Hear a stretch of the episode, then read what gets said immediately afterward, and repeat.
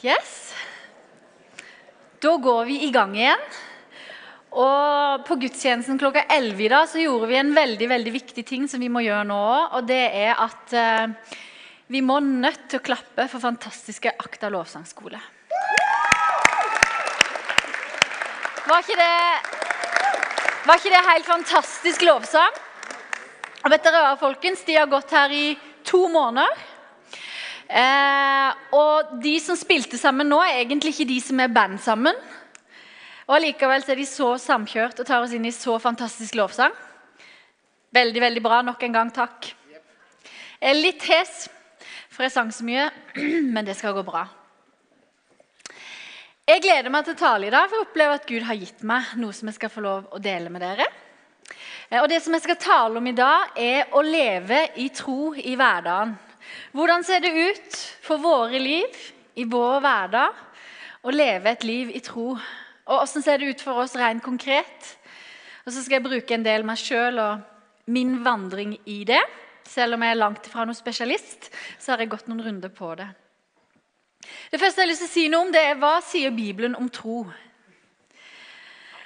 Det første jeg har lyst til å gjøre, er å definere tro. Eh, og Det er en ganske sånn håpløs definisjon, for definisjonen på tro er at det er noe du ikke kan vite. Så det er veldig oppløftende. Tro er noe vi ikke kan vite. Konseptet tro handler om å se noe i Guds verden og handle på det. Og så ser vi at det materialiseres her. I Hebreerne 11,1 så står det at tro er full visshet om det vi ikke vet, og det vi ikke ser. Og i andre kor 5,7 så står det For vi vandrer i tro uten å se. Det er to måter som vi kan tro på. Eller det er sikkert mange måter, men det er to, to måter som vi kan tro på. Den ene måten er at eh, det står i Guds ord at troen kommer av forkynnelsen. Så når vi leser Guds ord, eller når vi hører Guds ord forkynt, så skaper det tro i oss. Troen kommer av forkynnelsen. En annen måte å tro på er at eh, vi opplever at eh, Gud gir oss tro for noe. Vi opplever at Gud konkret legger ned en tro i oss for noe.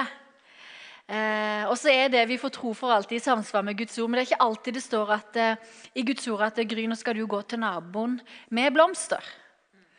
Men det er i samsvar med Guds ord.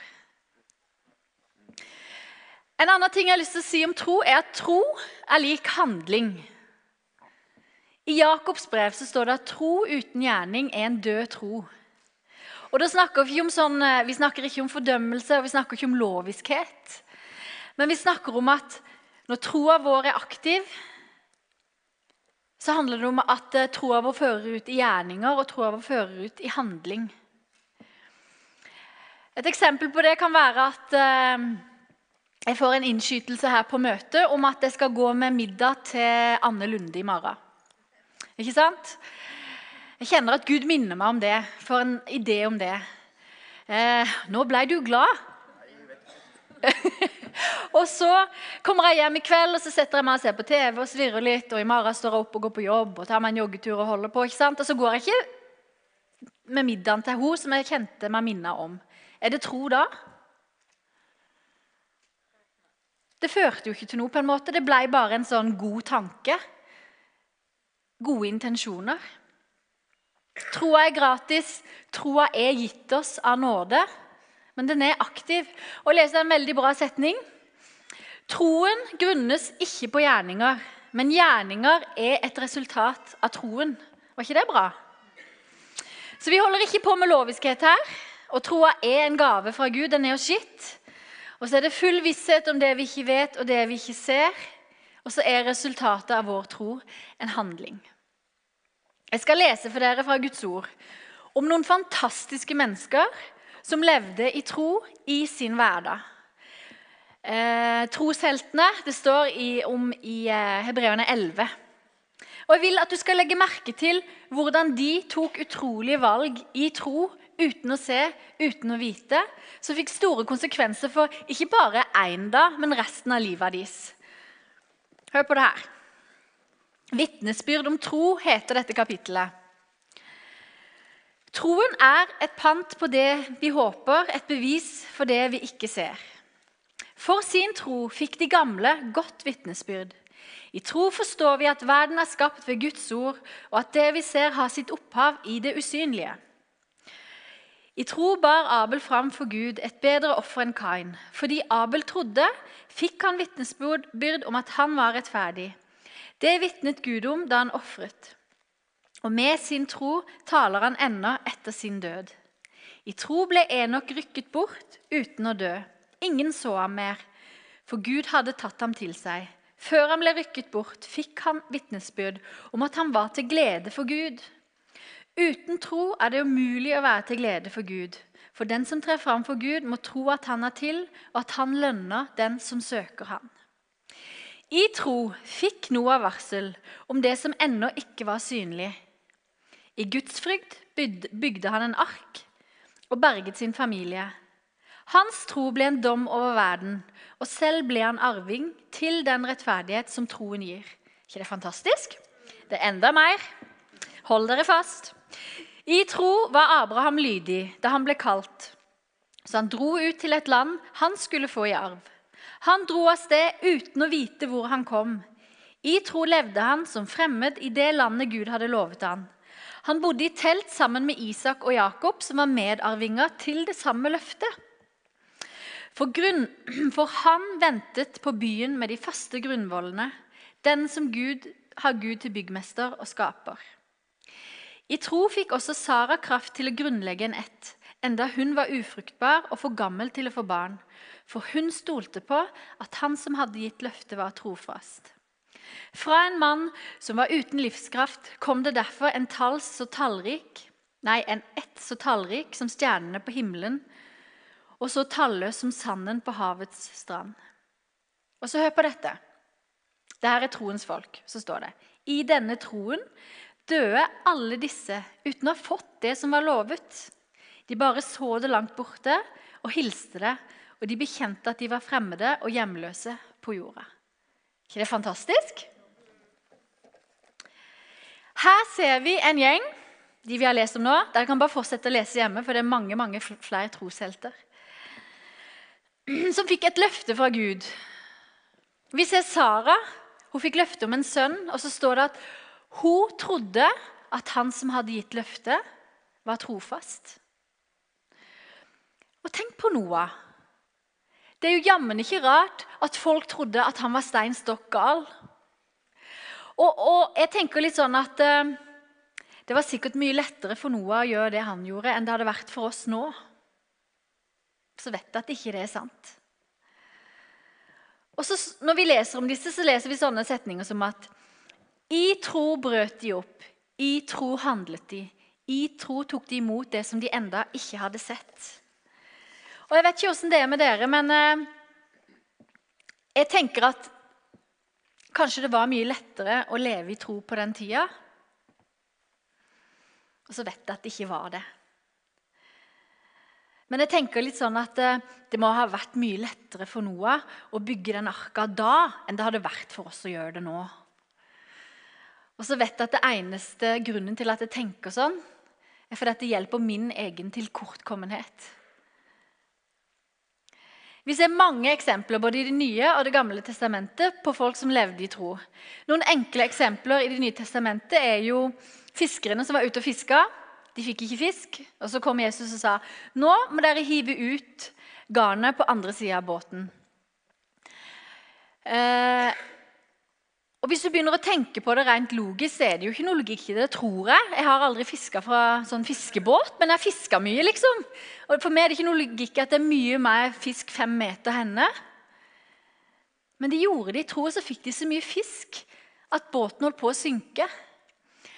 Eller når Jesus var og forkynte for 5000, og så skulle han gi dem mat. Han kom opp med den geniale ideen at vi må gi dem mat.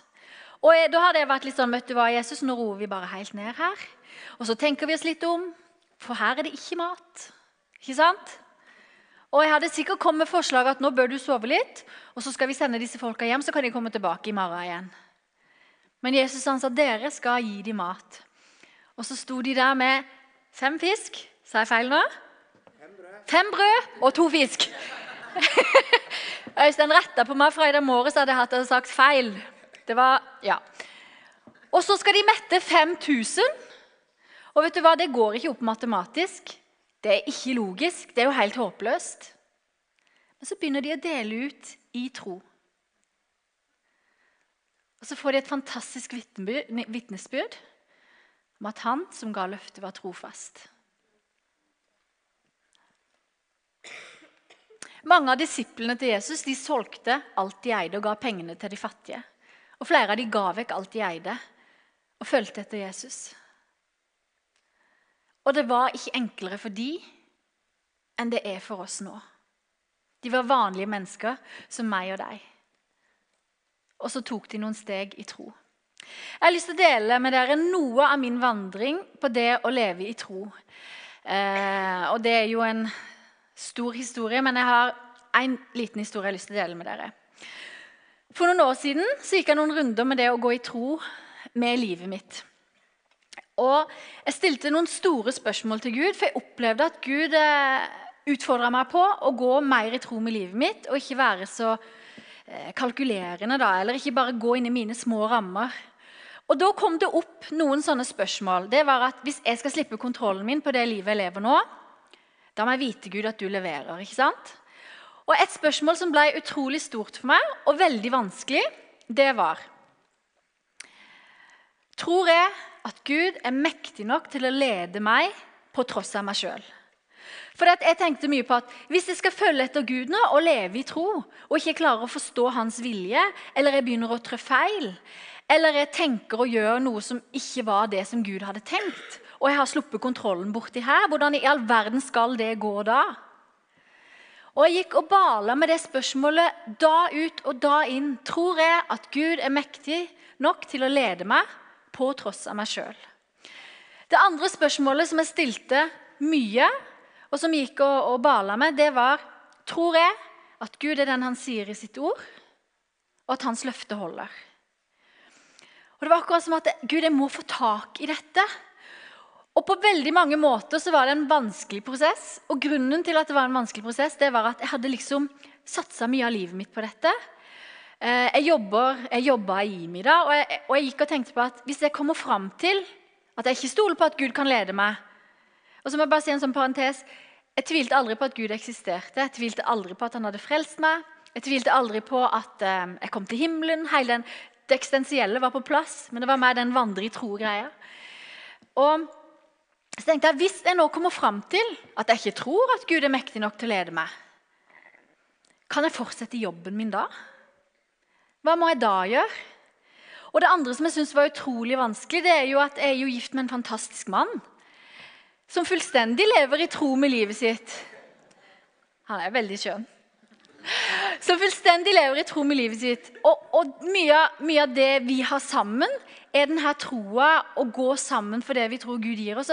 Hvis det da kom fram til at ikke det holdt Hvordan ville vi få det i ekteskapet da? Og jeg vurderte aldri å gå fra han. Men mer sånn, hvordan vil det bli hvis vi står på så forskjellig ståsted?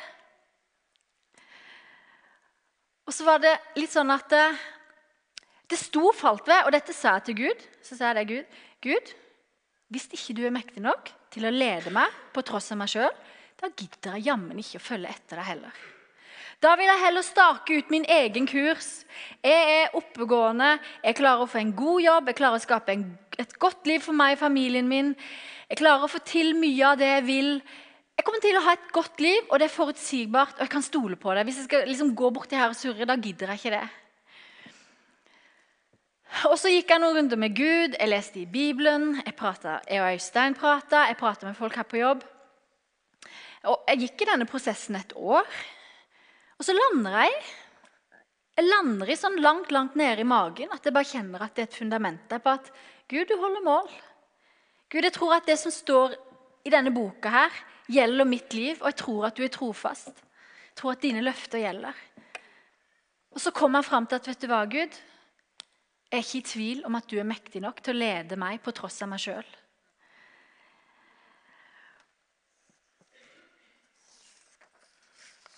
Og så vet jeg at når jeg har et hjerte som vil, så får det være opp til Gud.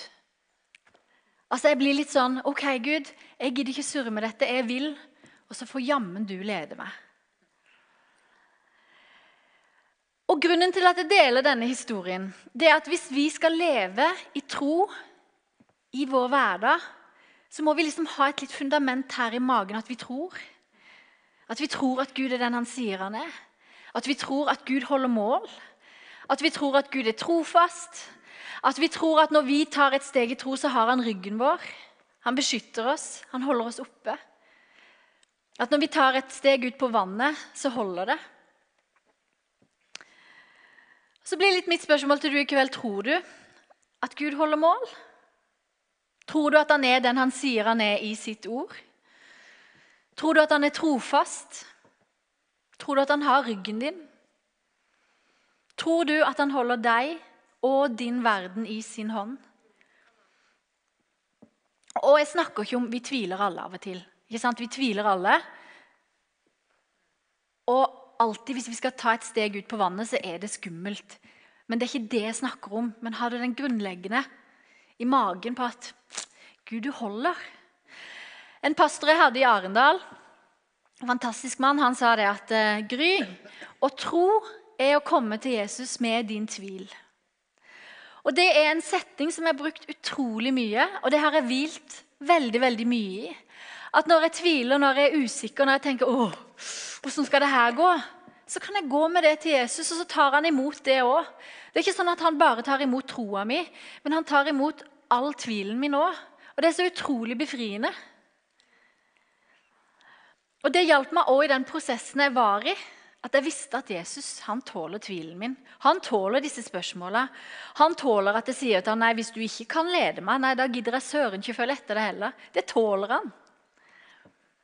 Det med tro, det er en prosess. Det er noe du skal få lov å vokse inn i. Du velger å stole på Gud. Du handler, og så får du en erfaring. Og så blir det mer og mer inn til full visshet, som vi leste om i Hebreerne 11,1.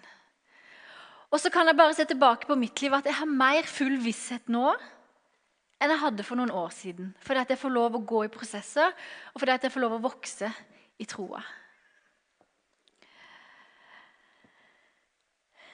Vi må ha to tanker i huet samtidig. og det er at Troa er gitt oss. Tro er en gave fra Gud. Og så skal vi samtidig få lov å vokse i troen. Er ikke det bra? Vi har sett på trosheltene. Vi har snakka om det grunnleggende fundamentet for tro.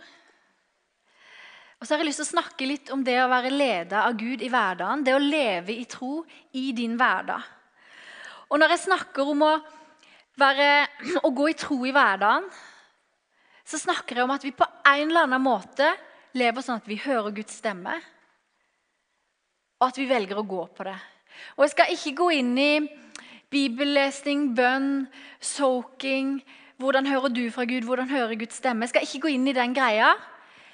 Men, men faktum er at disse trosheltene som vi leste om, på en eller annen måte så hørte de fra Gud, og heldige Moses han fikk steintavler i posten.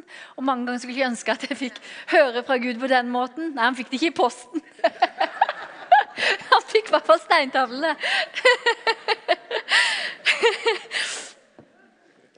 Men på, på, en eller annen måte så trenger vi å høre fra Gud for å bli lederen. Er vi enige om det? Ja.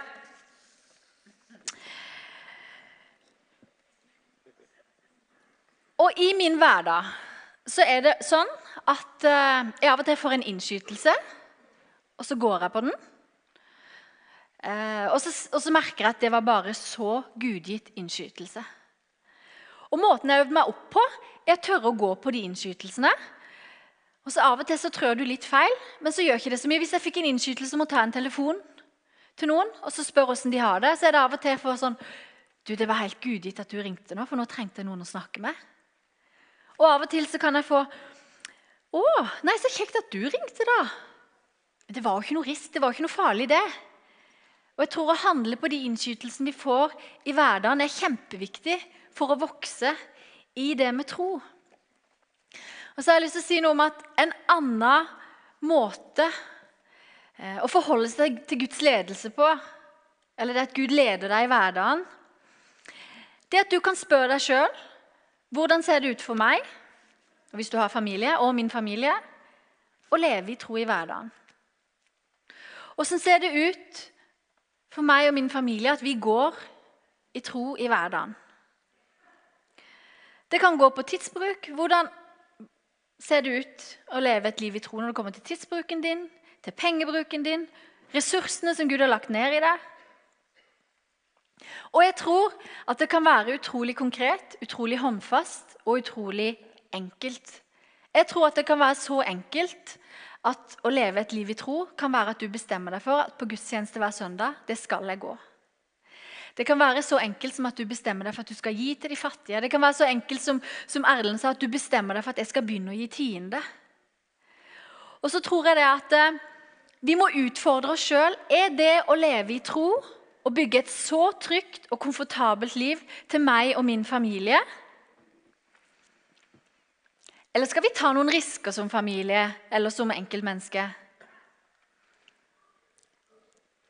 Kanskje du skal spørre skal jeg, gi, skal jeg jobbe litt mindre, få litt mer tid og ha mulighet til å ta meg av alle flyktningene som kommer til landet vårt?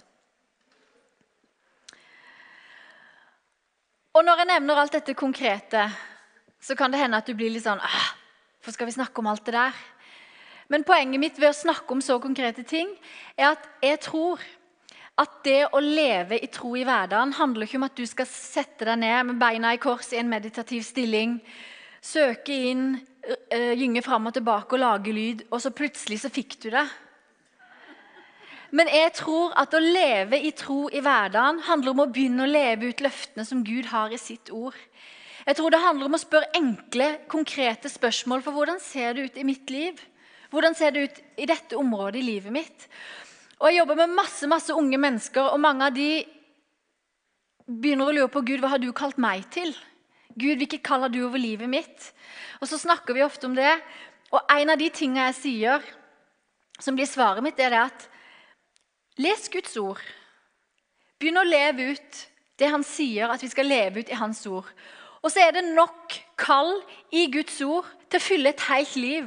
For Hvis vi begynner å vise godhet mot alle, hvis vi begynner å gi til de fattige, hvis vi begynner å trøste de som sørger, og hvis vi begynner å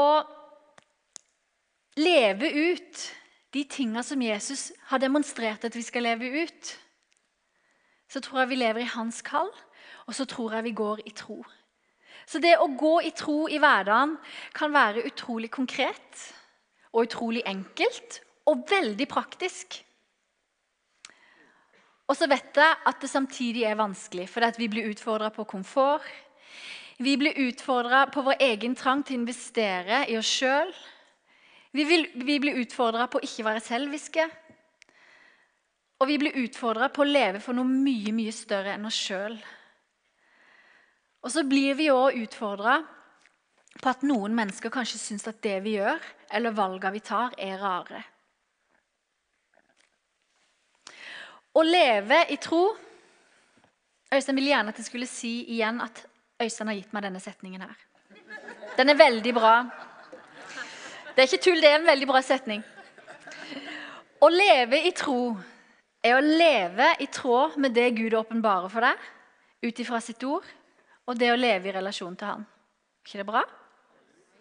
Å leve i tro blir å leve i tråd med det Gud åpenbarer for deg ut ifra sitt ord, og det å leve i relasjon med Han. Vi har lenge levd i tro med vår økonomi. Og når vi gifta oss, så opplevde vi at Gud utfordra oss på det veldig tidlig. Eh, og vi har ikke levd sånn som vi gjorde for noen år siden de siste åra. Nå lever vi ganske godt. Vi har fulle, nesten fulle jobber begge to. Jobber her i menigheten. Og vi lever utrolig gode, trygge, safe liv. Og det er jeg veldig takknemlig for. Men når vi gifta oss, så opplevde vi at Gud kalte oss til å leve i tro på det med økonomi. Eh, det gikk bl.a. ut på Øystein er eh, pastor i en menighet. Og i stedet for at jeg tok meg en jobb, så jobba jeg gratis sammen med han i menigheten. Og når vi etter hvert fikk unger, så opplevde jeg veldig tydelig at Gud kalte meg til å være hjemme med de til de begynte på skolen. Og det blir en ikke rik av. En ble veldig rik som mamma, men blir ikke rik på penger. Eh, og vi opplevde at det var ganske utfordrende å leve i. Samtidig som vi opplevde ekstremt mange økonomiske undre. Og vet du hva? Jeg tuller ikke når jeg sier at jeg kunne sikkert skrevet en ganske tjukk bok med bare historier for oss som Gud har sørga for oss og sørga for oss og sørga for oss.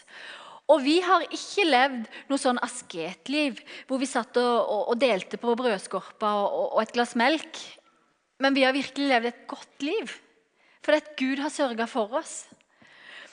Og så har jeg også lyst til å si det at For meg å leve i tro med økonomi er fullstendig naturstridig. Jeg liker oversikt. Jeg elsker tall, og hadde tenkt å ta en økonomiutdannelse. Så ble det teologi i stedet.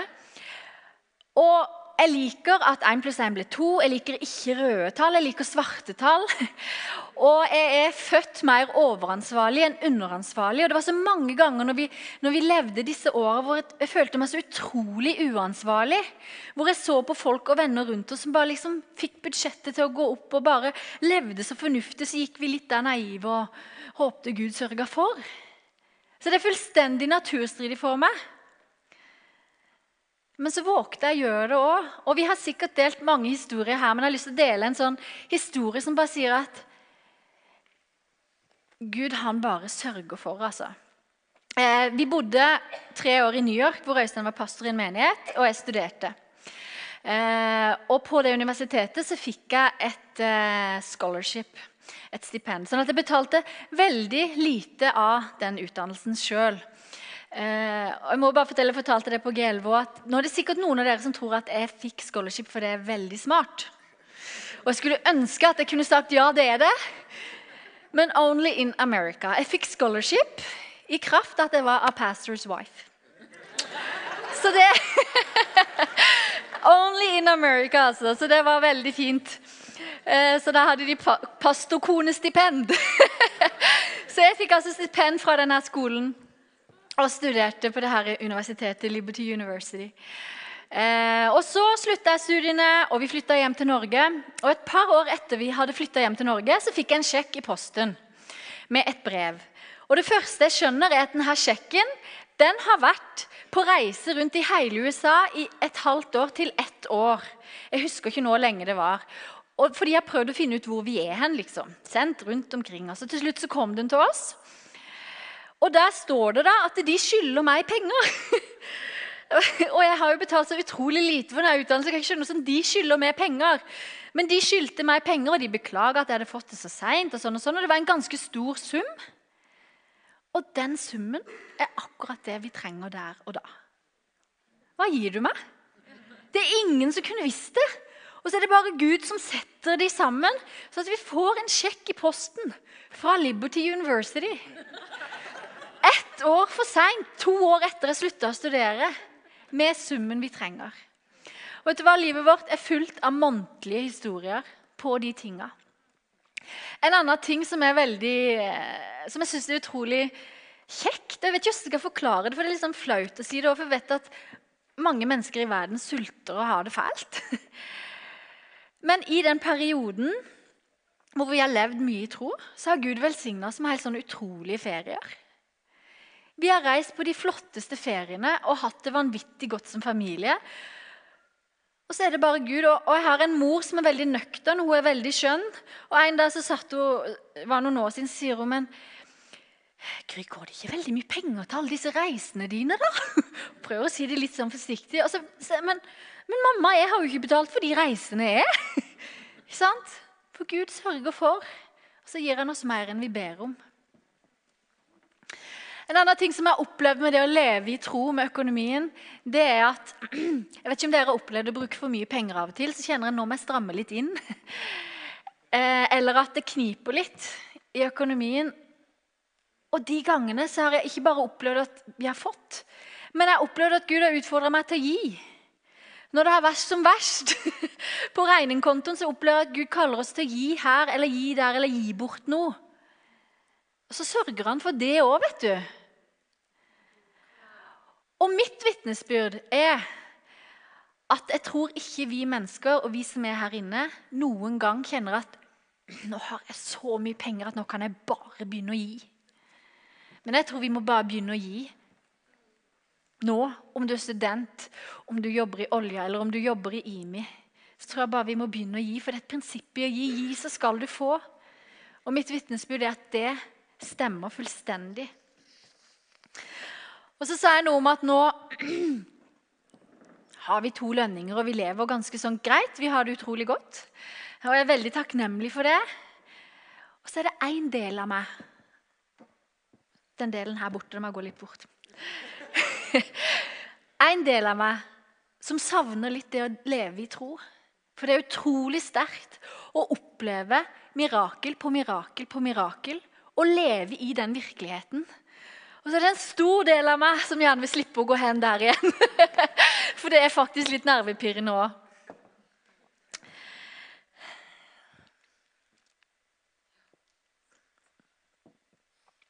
Jeg har lyst til å oppmuntre deg til å spørre Gud hva vil det si for meg å leve et liv i tro når det kommer til økonomi.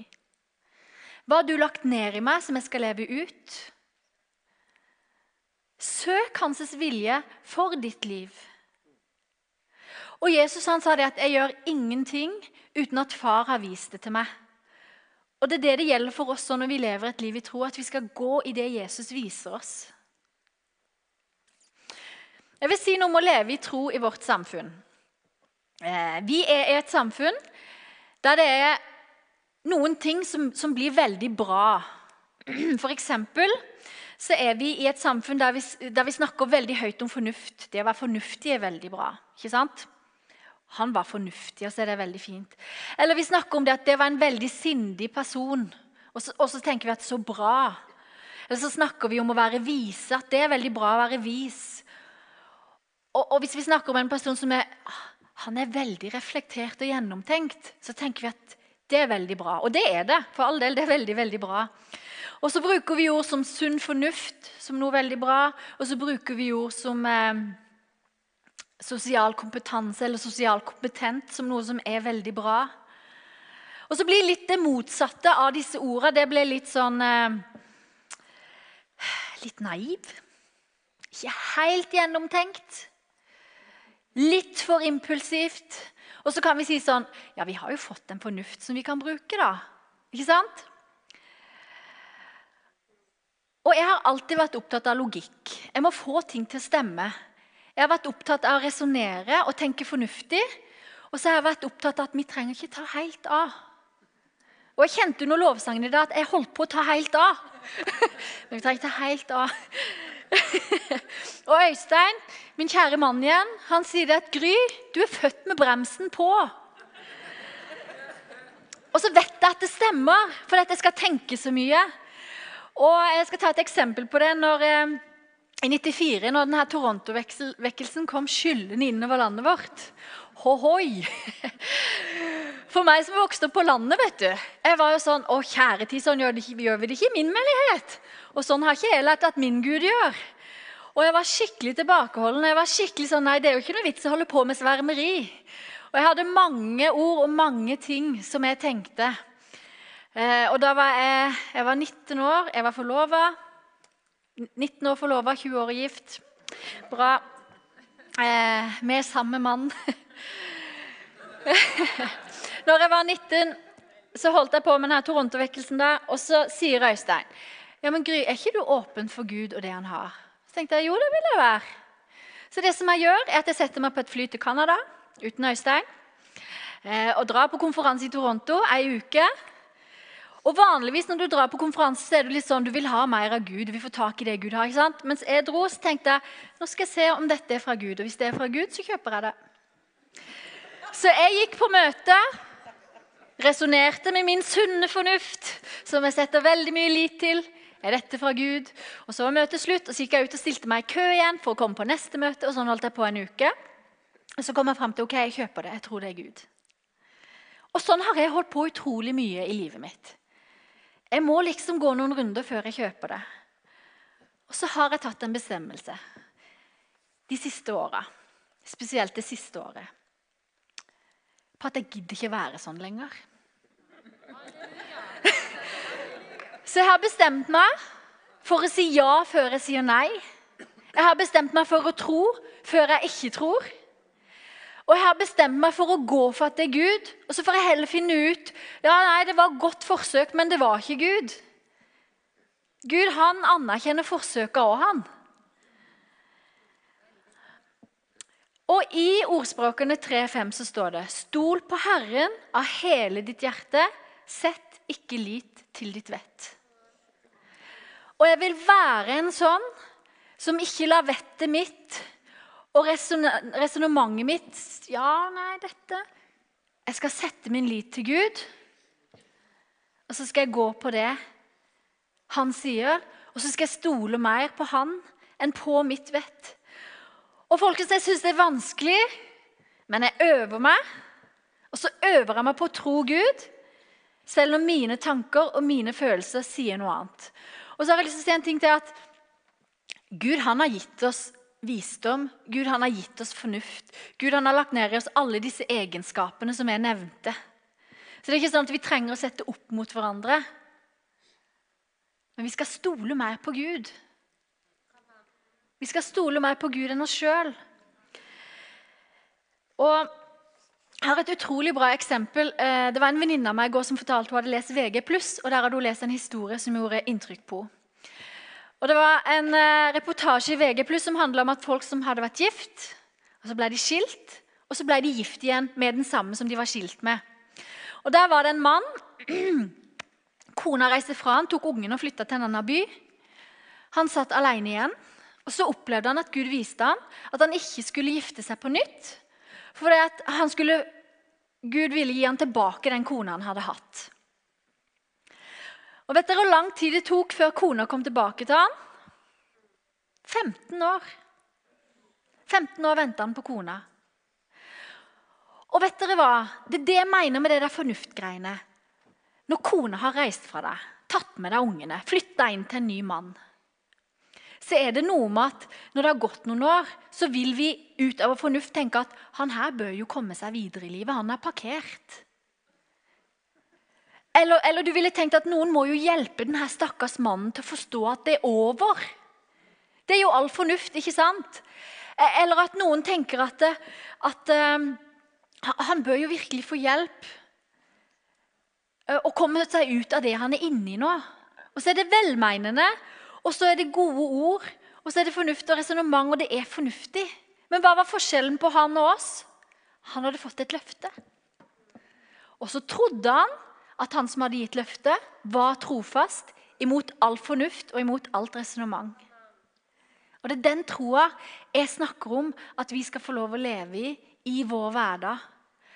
At når verden tenker det der er ikke bra, eller når verden tenker det er ikke fornuftig, så stoler vi på Gud mer enn vår fornuft. Å leve i tro i hverdagen handler om å stole mer på Gud enn deg sjøl. Det handler om å stole mer på Gud enn det som virker logisk der og da. Så Heldigvis trenger vi ikke sette opp mot hverandre heller. Jeg skal gå mot avslutning. Jesus elsker oss. Og han syns at vi er fullstendig og helt fantastiske. Og jeg elsker at når jeg tviler, så elsker Gud meg like høyt. Og ikke bare elsker han meg like høyt, men han liker meg like godt. Og Noe av grunnen til at jeg taler om dette i dag, er at jeg opplever Gud har gitt det når jeg har lagt det på hjertet mitt. Og grunnen til at han har lagt det på hjertet mitt, er at vi som er her inne, er inne i en utrolig viktig tid. Og jeg opplever at det er utrolig viktig at vi hører fra Gud og går på det vi hører. Jeg tror det er en tid for det, og jeg tror det er viktigere nå enn noen gang. Og jeg brenner utrolig for at vi her inne skal leve liv som teller for noe mer enn oss sjøl, og som teller for evigheten. Og jeg tror at skal landet vårt byen vår, naboene våre, familiene våre, se hvem Jesus er, så trenger vi å gå i tro med Han i vår hverdag. Vi trenger å søke Gud for livet våre. Vi trenger å leve for noe mer enn vårt eget velvære og ha mest mulig ting. Og igjen, parentes, jeg tror ikke det gjør farlig å eie en haug med ting. Jeg tror ikke det gjør farlig å ha masse penger eller fine biler. eller noen ting.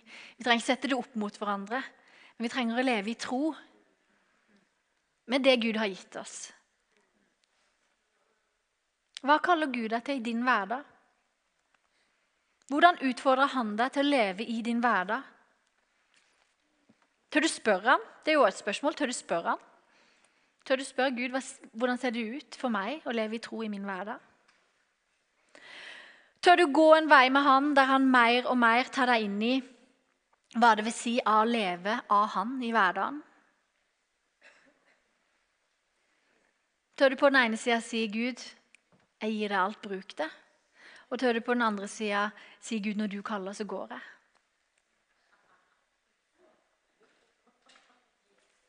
Vi skal be. Jesus, jeg takker deg for at du, som har gitt oss løftet, er trofast. Jeg takker deg, Jesus, for at når du kaller oss til å gå på vannet, så holder du. Jeg takker deg, Jesus, for at når du kaller oss til å gå på innskytelse, og når du kaller oss til å leve livet vårt i tro, så holder du oss oppe. Du leverer, du sørger for oss, du har ryggen vår. Jesus, jeg takker deg for at du holder hele vår verden og alt vi er, i din hånd, Jesus. Og Jesus, jeg ber deg om at vi må, må bli sånne mennesker som stoler mer på deg enn oss sjøl. Som stoler mer på den du er, enn vår egen fornuft, Jesus. Og jeg ber deg om at vi må bli sånne mennesker som ikke blir så opptatt av at ting skal gå opp eller ting skal stemme. Eller det må være logisk. Eller det var ikke sånn jeg hadde sett det for meg. Og at vi må bli sånne mennesker som har én ting for øye, og det er deg din vilje i våre liv. At vi skal få lov å vandre i dine ferdiglagte gjerninger. Herre, jeg takker deg for det at det å leve i tro, det handler om å vandre i dine ferdiglagte gjerninger, som du på forhånd har forberedt for oss. Og så takker jeg deg for at du kaller oss ikke til å leve kjedelige, gråe, slitsomme liv. Men du kaller oss til å leve liv i overflod. Du kaller oss til å leve liv der vi ikke skal mangle noe. Og jeg takker deg, Jesus, for at når vi lever i din vilje med livet våre, så lever vi det beste, beste, beste livet som vi kan leve. For du har skapt oss, du har skrudd oss i sammen, og du vet hva som er best for oss, Jesus. Og Jeg ber deg, Jesus, om at du skal komme her. Fylle hver enkelt, Herre. Fyll hver enkelt med en tro som holder. Fyll hver enkelt med en tro som bærer, Jesus. Så ber jeg deg samtidig, Jesus, om at du skal utfordre oss, sånn at troa vår får bein å gå på, sånn at det blir til handling i møte med oss sjøl og i møte med menneskene rundt oss, Jesus.